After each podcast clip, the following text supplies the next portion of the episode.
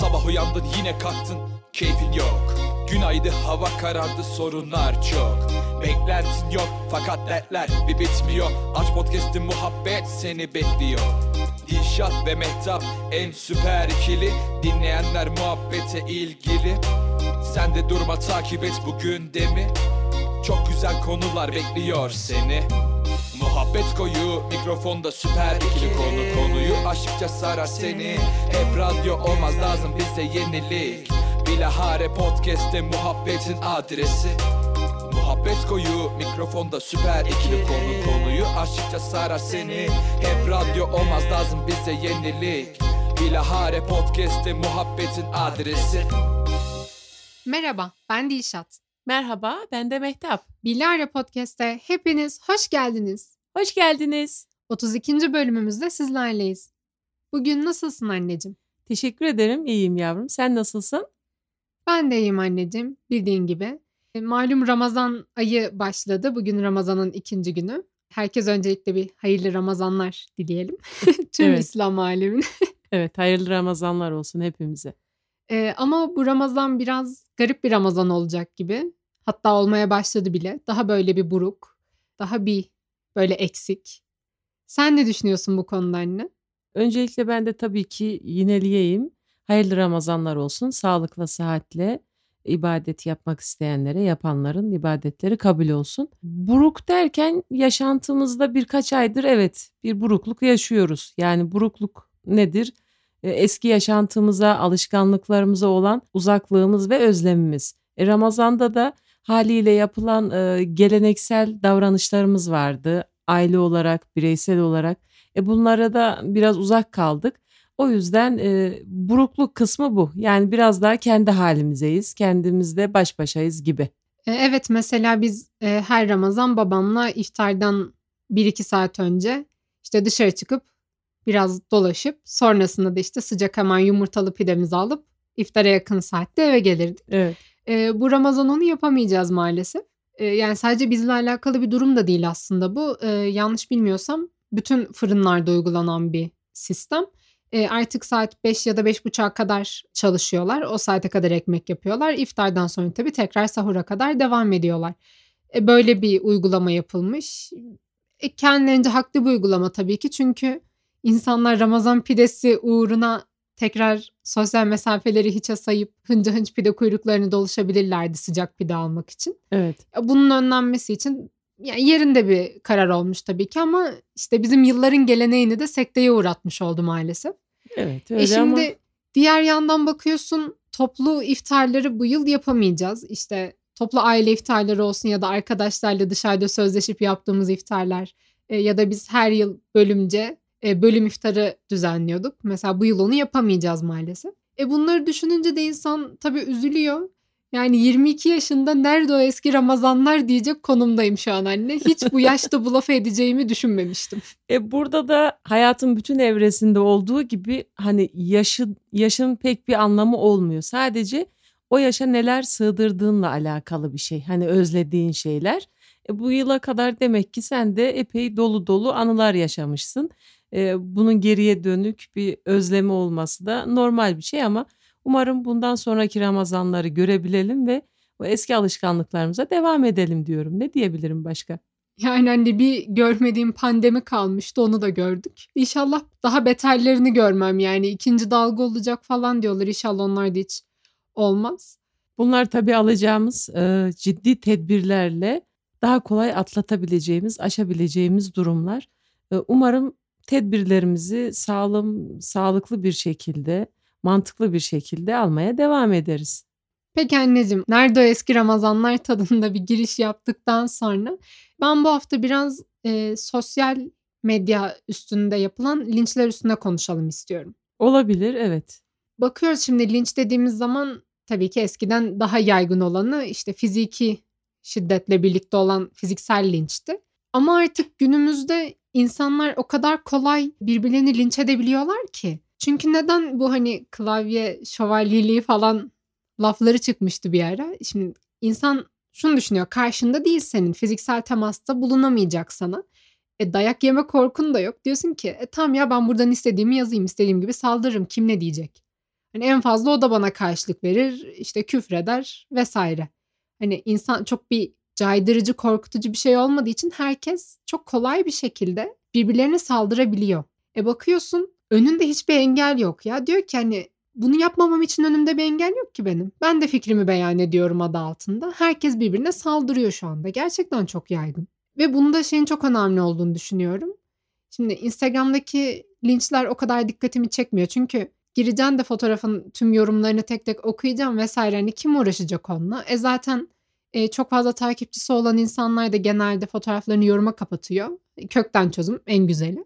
Ama hani Twitter'da öyle değil. Bir şekilde senin karşına çıkıyor ve e, özellikle 140 karakterin kaldırılmasından sonra ve Facebook'taki kitlenin yavaş yavaş Twitter'a taşınmasından ya da yani bilmiyorum kullanıcı profili çok değişti ve artık herkesin istediği her şeyi diğer insanları düşünmeden böyle rahatça fikrini beyan etmenin de ötesinde artık linçe kadar gittiği bir ortam oluştu maalesef.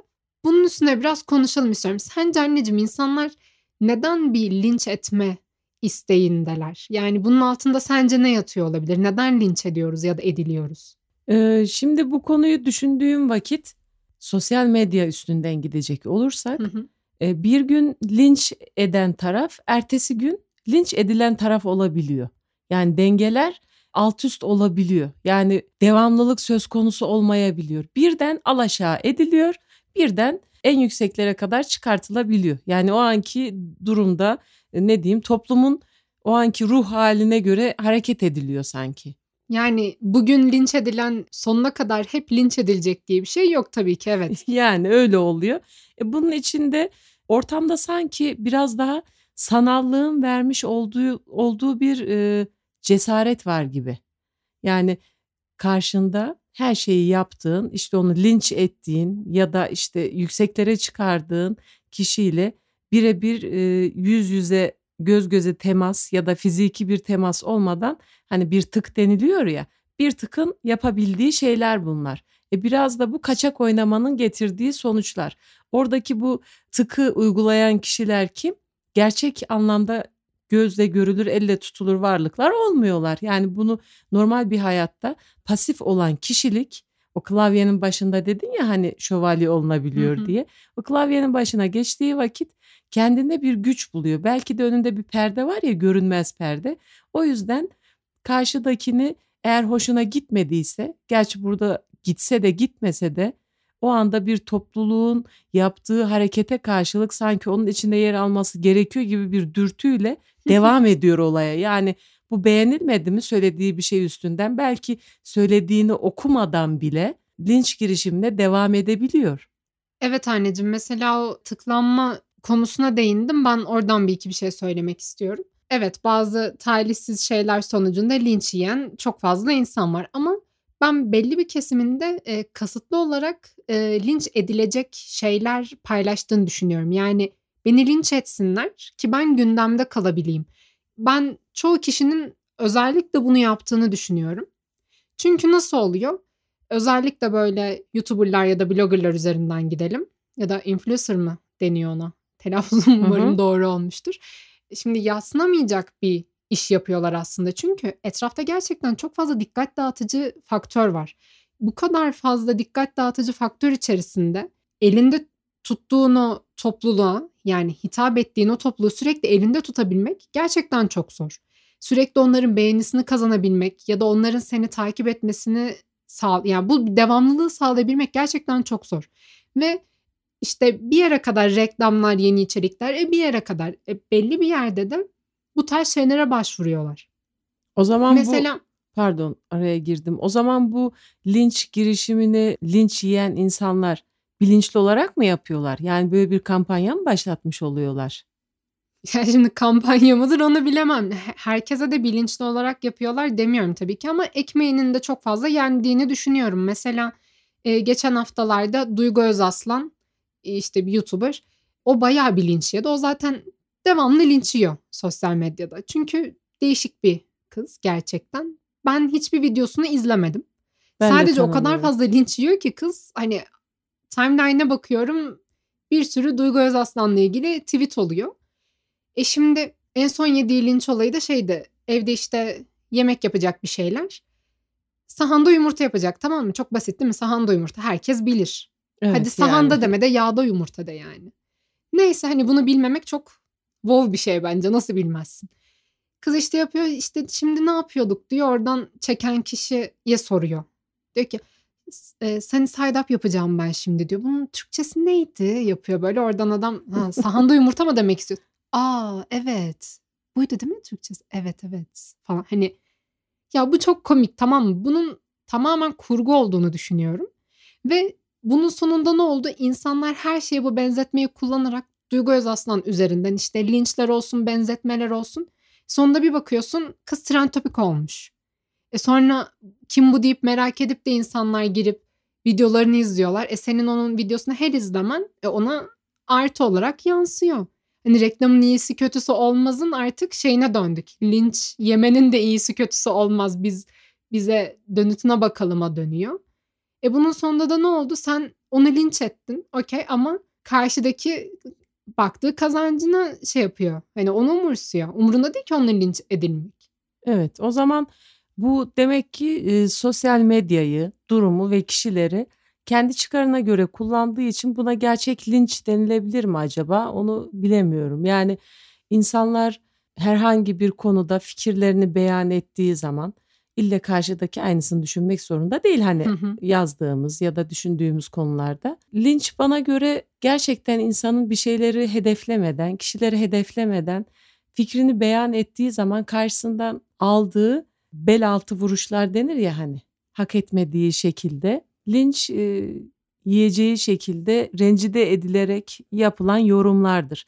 Ama bunu da kendi hayatında pozitife dönüştürerek nedir? Kendi adından konuşturmak, sürekli gündemde kalmak olarak değerlendirirsek demek ki kendi istekleriyle faydalı bir şey ama amacın dışında olduğu zaman bu insanların belki depresyona girmesine sebep olacak.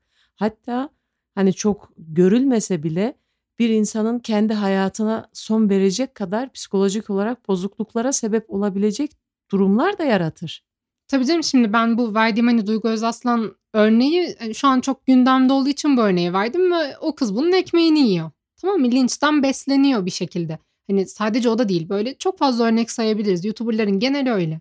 Ya mesela adam bilerek salak gibi davranıyor. Affedersiniz bu çok kaba bir tabir oldu ama onun üstünden dönen o e, linçler ya da dalga muhabbetleri adamı sürekli gündemde tutuyor gibi. Yani herkes nasıl faydalanacağına bakıyor ama öyle bir hal aldı ki herkes çok alıştı birbirini linç etmeye. Ya bakıyor adam kendi fikrini beyan etmiş herhangi bir konuda.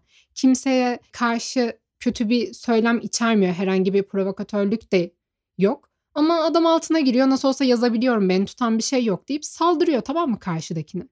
Ve gerçekten dediğin gibi e, böyle şeyler yüzünden intihar eden çok fazla insan var. Yani her yaştan insan bu de linçlerin ya da artık siber zorbalık bile diyebiliriz.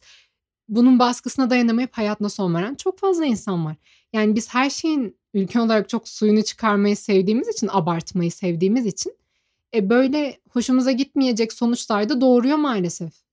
Bu kadar abartılması. Belki kişi benimsemediği, desteklemediği bir şeyi e, o tıktan aldığı güç var ya ona değil ama hani bir cümle var ya e, sizinle savaşacağım ama silahlarımız eşit değil çünkü beyinsizsiniz gibi bir cümle var ya gerçek anlamda eğer birini linç edeceksen fikirlerinle karşısına geçip hani patır patır anlatmak, söylemek ya da karşıdakinin fikrini çürütebilmek için elinde bazı dataların olması gerekiyor, bilginin olması gerekiyor ki konuşma ortamı olsun. Ama bunu yapamıyorsun. E bu da sanal alem oluyor.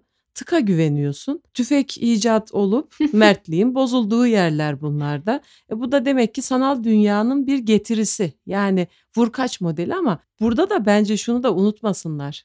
Biraz önce söylediğin e, YouTuber gibi ismini bilmiyorum. Bugün ta yükseklerde olan öyle ya da böyle ertesi gün dipleri görebilir.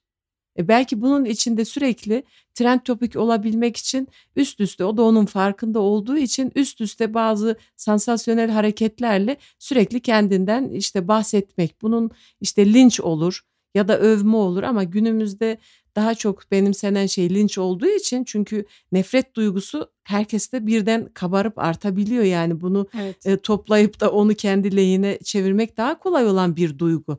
Ama bir sevgi ya da merhamet gibi duyguları biraz daha ne bileyim az sayıda insanlar kullanabilirler gibi bu konuda ama linç herkes aklına geldiğince birine hırslandı, sinirlendiyse onu ondan çıkarabilir acısını. Yani bunu kullanmak daha kolay. Ya bir de şimdi ellerinde çok büyük bir güç var aslında. İşte böyle tanınmış kişilerin diyelim. Zaten nasıl oluyorsa mesela adam herhangi bir televizyon programında iki bölüm göründe hemen fan sayfası açıyorlar tamam mı? Birine fan sayfası açacak kadar böyle fanatiği olmak nasıl bir kafa yapısı onu hiç anlamıyorum zaten ama şimdi mesela diyelim ki sen çok ünlü bir YouTuber'sın. Garip bir hareket yaptın. Deli gibi linç yağıyor sana tamam mı? Hı hı. E şimdi senin fanların boş durmuyor ki. Adamlar bunu böyle görev addetmiş kendilerine. Seni linçleyen herkese onlar linçliyor bu sefer. Sen ona ne hakla bunları söylersin? Sen kimsin? Senin de şuyun, şunun şöyle, şunun böyle. Evet işte Bu sefer herkesin bir çatışma haline geliyor. Ona da güveniyor şimdi. Diyor ki beni linç etse ne olacak? Ben uğraşmayacağım ki onlarla. E beni sevenler onlara cevabını verir. E cevabını vermese de umurumda değil. Ben istediğimi aldım. E buna dönüyor. Bunlar rahatsızım ve şöyle de bir şey var. Belli bir kesimin de ben ciddi anlamda kaostan beslendiğini düşünüyorum anne. Yani adam hiç umrunda değil tamam mı? Bir tweet görüyor. Yanlış anlaşılmayacak bir tweet. Diyor ki ama tamam yanlış anlamadım ama ben bunu yanlış da anlayabilirdim. Şunu mu ima ediyor yoksa? Dur ya ben bir buradan ona saldırayım bunun üstünden. Normalde yanlış anlamadı. Ama yanlış anlamış gibi davranıp sırf kaos ortamı yaratmak için böyle şeyler yapan insanlar da çok fazla. Evet bu konuda araştırmacıların yaptığı bir şeyler de var. Yani konuşmalarda şu da söylenebiliyor. Varsayalım ki ortak noktada buluşmadığın, benimsemediğin bir fikir var. Ve büyük bir topluluk bu konu üstünde hemfikir. Fakat sen onu benimsemiyorsun. Ama bu ortamda, bu kalabalık ortamda ona hayır demek bütün diğer negatif eleştiri oklarını üstüne çekmek demek. Ve adam diyor ki yani bunu niye yapayım ki ben? E sessiz kal o Ha, zaman. Sessiz değil. Bir şekilde senden de fikir beyan etmen isteniyor ya. O yüzden işte biraz kıyısından, köşesinden işte hani evet e, ayak okuyacağım. Evet diyor. yani ayak uydurayım derken sosyal yapıda kabul edilebilirlik, kabul görülebilirlik kısmının e, bir basamağı olarak görülüyor bunlar. Olaya biraz da böyle bakmak lazım. Tabii ki şu anda ilk başta konuştuğumuz e, YouTuber'ın bir e, linç yeme şekliyle e, lince destek verenlerin arasındaki ayrım bunlar. Yani birisi bilinçli olarak yapıyor, öbürü de uydum kalabalığa deyip gidebiliyor ama sonuçta herkes kendi çıkarları için bir şeyler yapıyor. Orası öyle ama mesela şimdi verdiğin örnek senin neydi? İşte bir fikri savunan insanların üstüne linç falan. Ya hani bu yine bir yere kadar kendi içinde mantıklı tamam mı? İşte bir ideolojinin peşine düşmüş insanlar karşıt fikri savunanlarla kendi içinde linçleşiyor. Bu yine bir yere kadar kabul edilebilir. Ama artık o kadar saçma boyutlara döndü ki mesela biri paylaşmış. Kendi rızasıyla işte yaprak sarması yiyen var mı gerçekten? Şimdi, bu, bu zaten çok garip bir olay da altına biri girmiş. Sen yaprak sarmasına nasıl böyle dersin Allah senin belanı versin. bu ne? ya da mesela daha komik işte kızlar erkekler he- herkes yapıyor bunu işte. Benim gibi değilseniz kendinize kadın demeyin. İşte yüzünüz böyle değilse ya da işte yüzünüz kemikli değilse ben yakışıklıyım demeyin diye tweet atmış tamam mı? Bir de işte fotoğrafla birlikte. Altına öyle şeyler yazılmış ki yani bunu böyle şeyler duyacağını bile bile ya- yazıyorsun herhalde artık. Bunun başka açıklaması olamaz yani. Evet ben e, bu konuda kendimce görüp söyleyeceğim şey bilinçli yapılan işler bunlar. Ha bize düşen nedir? Belki de o oyunun içine düşmemek. Hani bazı şeyleri frenleyip o oyunun içine dahil olmamak da belki de çözüm yapılabilecektir. Çünkü oraların hani dost olmama ya da sana bir fayda sağlamama gibi durumlarını biliyorsun ya. Hı hı. Boşuna sinirlerini de yıpratmaya da gerek olmadığını düşünüyorum. İşte herkes sadece bir tıklanma rekoru öyle ya da böyle alabilmek için e, yaptığı şeylere düşmeye gerek yok. Hani biraz gözü açık ya da algısı açık olmakta fayda var bu konuda gibi düşünüyorum ben. Öyle anneciğim çok haklısın ama işte ne yazık ki öyle bir hale geldi ki sıradan bir vatandaş bile hani çok böyle takipçisi olup da belli bir kitleye hitap eden insanlar dışındakiler bile yani fikrini beyan ettiği bir tweet yüzünden ciddi linçlere maruz kalabiliyor. Ben artık bunun çok da düzeleceğini düşünmüyorum. Hani buna bir şekilde alışacağız. Çünkü linçten kaçamıyorsun. Kaçınılmaz oldu artık linç. Allah'tan böyle çok aşırı takipçisi olup da e, sürekli göz önünde olan insanlar değiliz. Yoksa gerçekten Twitter kullanamaz hale gelirdim ben. Neyse diyelim buradan çıkaracağımız sonuçta şükürler olsun bazen az takipçi olmak da işe yarıyormuş değil mi? Evet gerçekten güzel yanları da var. Evet. Peki anneciğim şimdi umarım linç edilmem diyerek e, şu sıralar çok popüler olan bir televizyon programından konuşmak istiyorum. Survivor programından. Hmm, evet. Şimdi neden Survivor'ı seçtim? Malum karantinadayız artık herkes çok bunaldı. Ne yapsak ne etsek. İzleyecek diziler bitti, filmler bitti. Sevilen diziler birkaç kez baştan tekrar izlendi. E bir yere kadar ders, bir yere kadar yoga, spor, bir yere kadar mutfak. Artık ne yapıyorsun? Başka neler kaldı izlemediğim, denemediğime dönüyor olay. Belli bir kesim diyor ki, belli bir kesim demeyeyim ya işte bir topluluk diyor ki karantina 50 yılda sürse asla Survivor izlemem. Belli bir tarafta diyor ki ya ne yapayım artık hani dayanamadım, pes ettim, yenik düştüm izliyorum. İşte bazısı diyor ki evet sardı ya güzel programmış. Bazısı da diyor ki ha işte ya bir yandan açık duruyor işte gidiyor da eğleniyorum biraz gibi. Ee, ben de bu yenik düşenlerdenim. Ama sen hala direniyorsun anneciğim. Yenik Çıktığı düşmedim. günden beri izlemiyorsun. Bunu izleyip izlememek olarak değerlendirmiyorum ama belki de dikkatimi çekmedi. Bu zamana kadar hiç izlemedim. İzlediğim diziler, filmler elbette ki var ama şimdi seninle benim durumum biraz daha farklı. Sen hiç hayatında hani bu kadar uzun süreli bir şey yapmadan durmadın. Ha senin de uzun süreli olduğun dönem sadece bu son bir hafta. Çünkü sınavlarım vardı, derslerim vardı. Evde olduğum süre boyunca ben seni hani mesainin dışında az görüyordum zaten. Hani odanın dışında pek rastlaşmıyorduk. Yetişmesi gereken e, ödevler vardı. Evet. Bu arada aslında evdeki kişileri görüp görmeme deyince şu geldi benim aklıma. Bazı programlarda olsun işte kişiler arası konuşmalarda falan bir şeyler var. Bu biraz garip geldi bana. Hani insanlar sanki aile bireyleriyle ilk kez karşılaşıyorlar. Hani evde şu da varmış, vay iyiymiş gibi. Ya evet çok garip Değil mi? tweetler dönüyor hatta işte diyor bugün kardeşimle tanıştım aslında iyi çocukmuş falan gibi. Yani aynı evin içinde bu kadar birbirinden kopuk nasıl olunabilir? Evet. bu- Bilmiyorum. Bu, söylemler bana biraz e, asparagas gibi geliyor.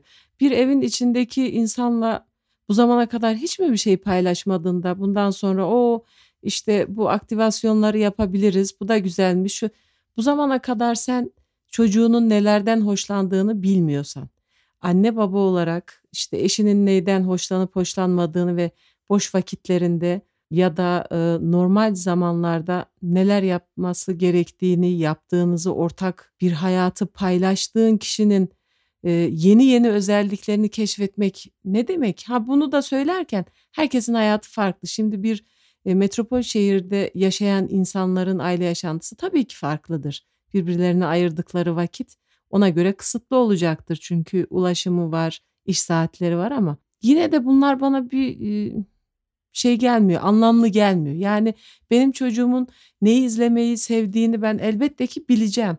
Ya da çocuğum anne olarak, baba olarak e, hangi konulardan hoşlandığımızı, sohbet ettiğimizi bilmiyorsa zaten orada durup da insanlar bu zamanda neyi yapalım, neyden hoşlanırızın yerine biz aile olarak ya da topluluk olarak niçin bir aradayız birbirimizi tanımadan bu zamana kadar bu yaşantıyı nasıl geçirmişiz bence bunu sormaları lazım. Ya belki de karantinanın e, sağladığı güzelliklerden biri de e, aile bağlarının güçlenmesidir. Yani kendi evindeki ailen hani çekirdek ailen. Bilmiyorum ama şimdi şeye döndük ya Survivor'dan aile arası bağlara biz nasıl geldik? Buna, anneciğim? buna n- nereden geldik? Şimdi Survivor izlerken ne dedin sen? Hani yapacak bir şeyim yok ve bunu hiç bu zamana kadar seyretmedin ya. Ha yok yapacak bir şeyim olmadığı için izlemem izlemek değil ya. Benim aslında altında yatan temel sebep şu. O kadar fazla insan Survivor izliyor ki. Hı hı. Ee, şimdi Twitter'a giriyorsun Survivor ile ilgili espriler dönüyor anlamıyorsun. Instagram'a giriyorsun işte viral olmuş bir şeyler görüyorsun ama hiç izlemediğin için o olay nasıl cereyan etti bilmiyorsun, anlamıyorsun. Arkadaşlarım video gönderiyor. O da Survivor ile ilgili. Anlamıyorsun. O kadar çok Fransız kaldım ki son birkaç gündür gündemdeki şeyleri. Dedim yani neymiş dur bir, bir de ben izleyeyim yani. E, tamam hani belli bir yere kadar tabii ki kurgu olduğunun farkındayım. Tutup da çılgınlar gibi işte yok ünlüleri destekliyorum yok gönüllüleri dur şuna SMS oyu atayım da elenmesin ay canım kıyamam aç kaldılar bak görüyor musun ne yiyecekler? Hani bu kafada tabii ki değilim.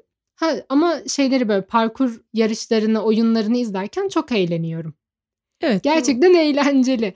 Hani kendimi düşünüyorum orada ben yapabilir miydim? diye mümkünatı yok.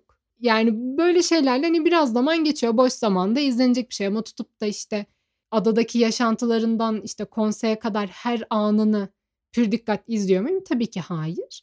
Ee, ama televizyon sektöründe de ciddi bir boşluk oluştu malum olay yüzünden. Malum olay deyince de şey gibi oluyor. Harry Potter'da Voldemort'un adını söylemiyorlardı ya.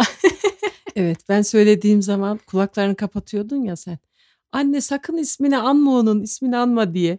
Ya o zamanlar çok küçüktüm ben ve gerçekten Voldemort'tan çok korkuyordum ya. Adını bile söyleyemiyordum o derece. Şimdi büyüdüm adını söyleyebiliyorum. Bravo. Şimdi Covid'de onun gibi oldu. Malum olay diye anılıyor her yerde. E, o yüzden dizi setleri durduruldu. İşte yeni bölüm çekemiyor kimse. Bir, bir iki dizi işte evden bölüm yaptılar ama bir bölüm yaptılar bitti. O da çok güzel olmadı değil mi? Bir diziye denk gelmişti. Ben izlemedim bilmiyorum. Telefonla e, karşılıklı işte sahneyi öyle çekmişler. Ne gereği ya varmış? bence şirin. Ya Bilmiyorum. hiç bana hiç şirin gelmedi. Çok anlamsız geldi. Niçin yapmışlar onu da anlamış değilim. Yani ne gereği var? Bilmiyorum benim hoşuma gitti. Yani ben altında şu düşüncenin yattığını düşünüyorum. Hani bir bölüm daha çekelim, izlenmemiz olsun, para kazanalım değil de hani bu şartlar altında da yine yaptığımız şeyleri yapmaya devam edebilirizin bir göstergesi bence. Yine E- pıs. Airwick pısladı.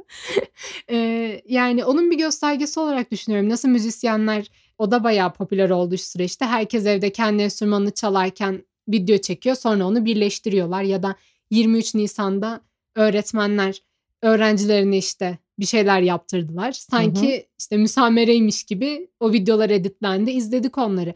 Ya bunlar benim hoşuma gidiyor. İşte televizyon sektörüne ciddi bir sekte vurduğu için şimdi ne oldu? Eski dizileri yayınlamaya başladılar. Çok beğenilen dizileri. Eskiden sadece doktorlar yayınlanırdı yazın. şimdi işte Avrupa yakasını, işler güçleri falan baştan yayınlamaya başladılar. Çünkü ellerinde içerik yok yani kaç bölüm stok, kaç dizi e, birkaç bölüm stoklayıp öyle yayın yapıyor. Demek ki hiçbiri yapmıyormuş yani bilmiyorum. Ama Domini'ye uğramamış herhalde Covid. Onlar hala içerik üretmeye devam ediyorlar. Belki de o yüzden herkes izlemeye başlamıştır. Belki de sürekliliği olduğu için hani taze taze Evet yeni. bölümleri yeni yeni bölümleri olduğu için olabilir. E bunları umarım e, normal hayatlarımıza çabucak döneriz de bu kadar işte filme, sosyal medyaya ya da dizilere takılıp kalacak hayatımız hep e, çarçabuk geride kalsın. Geride kalsın diyorum ben bu konuda. E, bir de işini evden yapabilme aslında bir lüks. Benim şimdi evden işimi yapabildiğimi düşünsene. Canım sana kıyamam ya. Hiç öyle bir şansın yok. Sağlıkçının Şuradan- yüzü gülür mü? evet sağlıkçının yüzü gülür mü? Ben şimdi buradan hmm, tamam evet hastayı uyutalım tüpleyelim şuradan şunu yapalım. Yani e, FaceTime'le hasta tüpleme. hasta tüpleme nasıl olur? E, her şeyin de evden olmayacağını bir göstergesi. İnsan bunları anlatırken ben aslında e, üzülüyorum. Nasıl üzülüyorum?